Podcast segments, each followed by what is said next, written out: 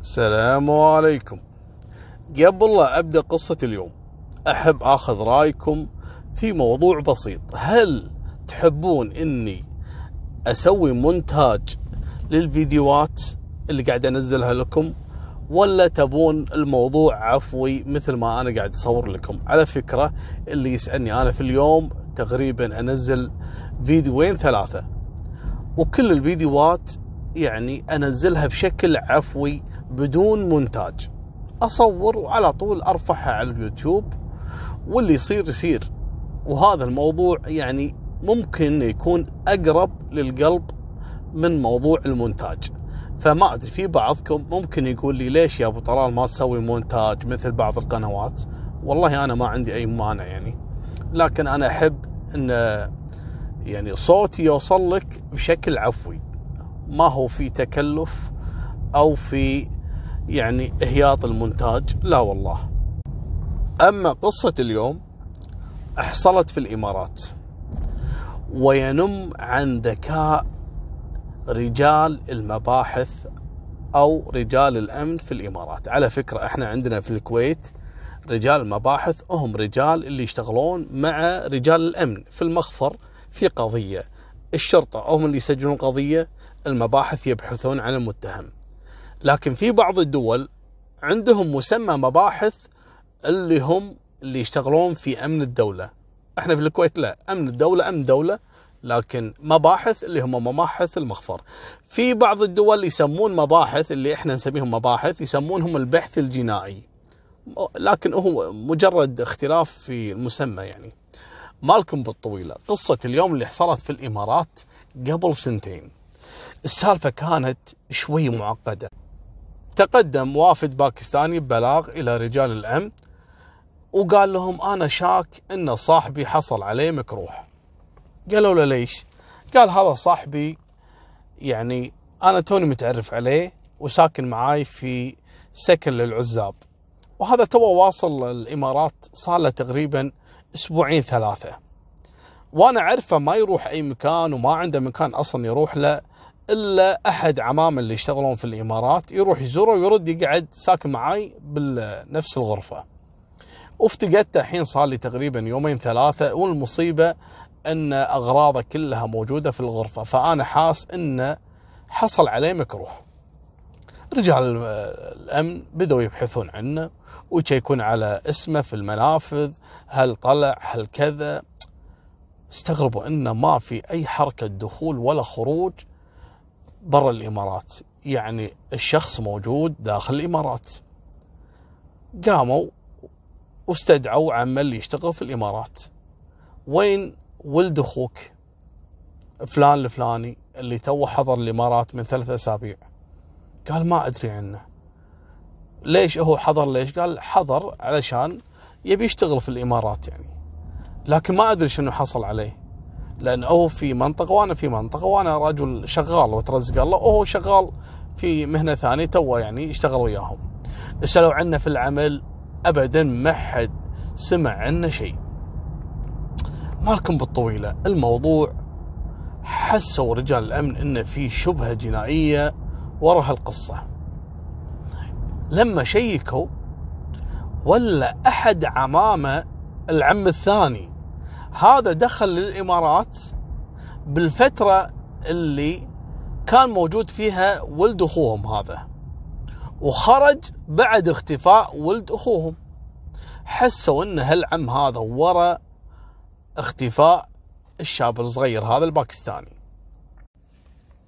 هني الغمندة. تعرفون شنو الغمندة؟ هذا الغمندة اللي كشفوها رجال أمن شرطة دبي. شلون؟ عرفوا إن القصة فيها جريمة وإن الولد اختفى قصريا. يا إنه مقتول يا إنه مخطوف يا إنه في شيء. لكن المصيبة إن المشتبه الرئيسي هو عمه اللي حضر للإمارات وطلع منها والعم الثاني اللي مقيم كذلك في الإمارات. لأن الشخص ما له أي علاقة مع أشخاص ثانيين إلا الشخص اللي كذلك بلغ عنه وهذا أخضعوه للتحقيق أكثر من مرة لكن تبين إنه فعلا الشخص ما يدري عنه ولا له علاقة في اختفائه. مالكم بالطويلة. هني عاد مباحث آه، دبي قالوا خلاص دام إن إحنا وصلنا إلى طريق مسدود إنه شلون راح نعرف وين اختفى وشلون آه، نتهم الشخص المدان خلونا نطبق الخطة يسمونها خطة العابرة للحدود الدولية. شنو الخطة يا أبو طلال؟ حيرت قاموا رجال الأمن وحاولوا يوصلون معلومة حق العم اللي قاعد في دبي إن القضية تم قفلها وإن ما اعثروا عليه وإن ما في شبهة جنائية في القصة. وتركوه وصل الخبر حق العم. وحس إن الموضوع انتهى. ارتاح. هم يبي يشوفون ردة فعل هالعم هذا. بالفعل العم هذا بلغ العم اللي كان موجود في دبي وطلع. قال له ترى رجال الأمن سكروا القضية وحطوها ضد مجهول. وانه ما في شبهة جنائية في الموضوع ويتهمون ولد اخونا انه ممكن طالع من الإمارات بشكل يعني تهريب أو غير قانوني لذلك ما في أي بيانات تثبت خروج أو دخوله للإمارات. ارتاحوا كل الأطراف. وخصوصا ارتاح الشخص اللي له يد في اختفاء هالباكستاني هذا. مالكم بالطويلة. المباحث عندهم طويلة، شلون؟ عندهم طولة بال. يا جماعة تخيلوا خطة مطبقينها سنة وثلاثة أشهر. وهم ينتظرون اللحظة علشان يطبقون الخطة الجزء الثاني على هالباكستانيين. إيش سووا؟ بعد سنة وثلاثة أشهر قاموا مسكوا واحد من مصادرهم باكستاني وقالوا له نبيك توصل حق باكستاني ينقال له كذا كذا اللي هو العم اللي كان موجود وطلع. وحاول إنك تستدرجه يدخل دبي مرة ثانية. قول انه في عقد عمل وهذه فرصة لك وكذا. وهذا الشخص آه، من المنطقة الفلانية وحسب علاقتهم طبعا آه، الإمارات في باكستان قدروا يعرفون هذا الشخص شنو شغال وشون يقدرون يستدرجونه بحجة شنو. انه في وظيفة مميزة بالنسبة له وراتبها ممتاز سووا له إغراءات. الرجال بلع الطعم وفعلا ما طول. بعد ما بلغوه شهر دزوا له الفيزا وجابوه للإمارات. أول ما دخل المطار. طبعا هو في باله إن الموضوع تسكر موضوع ولد أخوه. لكن تفاجئ إن رجال الأمن ناطرينه عند باب المطار. أهلا وسهلا. حياك حبيبي. وياخذونه من باب المطار. تفضل معنا. ليش؟ شو السالفة؟ قال له حبيبي تعرف السالفة في المخفر. وين ولد أخوك اللي اختفى من سنة وثلاثة أشهر؟ هني انصدم. قال أنتم مو قفلتوا القضية وضد مجهول. قال لا يا حبيبي. ما قفلنا القضية ولا شيء. وانت إيش دراك إن إحنا قفلنا القضية؟ قال قال لي أخوي اللي في دبي. قال لا حبيبي أنت المتهم الرئيسي في اختفاء الولد. طلع الولد أحسن لك.